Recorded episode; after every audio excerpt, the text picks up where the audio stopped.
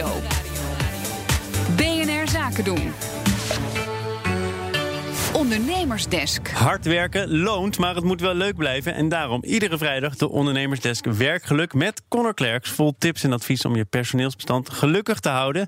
En misschien hou je die mensen wel gelukkig door ze thuis te laten werken. Uh, jij bent hier gewoon, Connor. Dus ik ben er uh, gewoon, kan ja. ik daar al iets uit opmaken? Ja, ik heb hier wel echt een mening over. Maar ja, een mening uh, is uiteindelijk ook maar een mening. Dus uh, ik heb eerst TNO gebeld voor de feiten. Want Krijgen we daar hadden... wel jouw mening nog, ja, nog te horen? Tuurlijk, tuurlijk.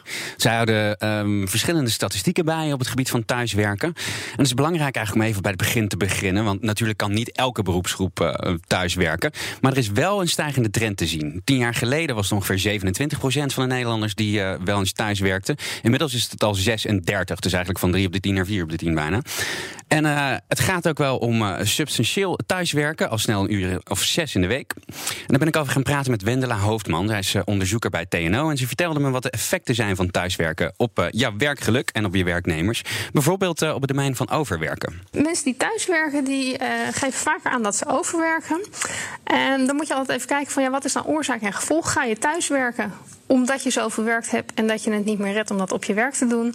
Of zit je thuis en ben je eigenlijk zo lekker bezig dat je misschien nog een beetje langer doorgaat. Dat weten we niet, maar we zien dat mensen die thuiswerken over het algemeen wat vaker uh, overwerken. En ook het aantal uren dat ze overwerken is dan wat hoger dan onder mensen die thuiswerken. En wat je tegelijkertijd eigenlijk ziet, mensen die thuiswerken, die zeggen vaak dat ze heel veel moeten doen en dat de werkdruk heel hoog is. Maar daartegenover staat wel dat ze meer autonomie hebben. En dat is een belangrijke pijler van werkgeluk, hebben we het wel vaker over gehad. Hè? Die twee dingen die balanceren elkaar dus wel netjes uit. Een minder positief effect is uh, het aandeel burn-out klachten. Mensen die thuiswerken, die hebben over het algemeen een hogere kans op burn-out klachten. Maar daarmee moet je wel rekening houden dat thuiswerken uh, niet in alle beroepen en alle sectoren evenveel voorkomt. En juist de beroepen waar mensen al veel burn-out klachten hebben, dat dat uh, de beroepen zijn waar veel thuisgewerkt wordt. En als je gewoon binnen een beroep gaat kijken, bijvoorbeeld als je alleen naar administratieve mensen kijkt, dan zie je dat het verschil tussen thuiswerkers en niet thuiswerkers in burn-out klachten eigenlijk maar heel gering is. En dat het helemaal niet zo zeker is dat die thuiswerkers nou veel meer burn-out klachten hebben dan de niet-thuiswerkers. Ja, dus tot nu toe een beetje moeilijk om te zeggen waar het nou precies zit. Maar waar er wel een heel duidelijk ne negatief effect te zien is, dat is de werk-privé-balans. Hoewel thuiswerken vaak wordt uh, getoond als iets van wat zo handig is, dan kan je werk en privé makkelijker combineren. Zien we dat thuiswerkers eigenlijk vaker aangeven dat ze juist problemen hebben met het combineren van werk en privé. En niet dat het werk eronder leidt, maar juist dat het privéleven eronder leidt. Dat het gezin uh, te lijden heeft onder het werk.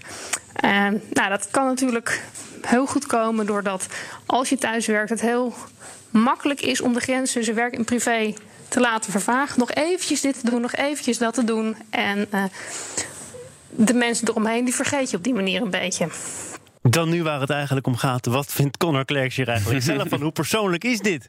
Ja, nee, het is heel persoonlijk of dit nou wel of niet bij je past. Hè? Want naast dat je werk er geschikt voor uh, moet zijn, moet het jezelf natuurlijk ook wel een beetje liggen. Ik zelf, als ik thuis moet werken, ik raak er helemaal van in de stress. Luister maar. Kijk, thuiswerken, dat is natuurlijk voor iedereen anders. Maar voor mij voelt het een beetje zo. Oh ja, dat moest ook nog.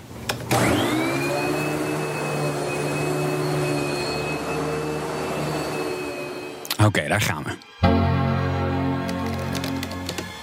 Oh nee.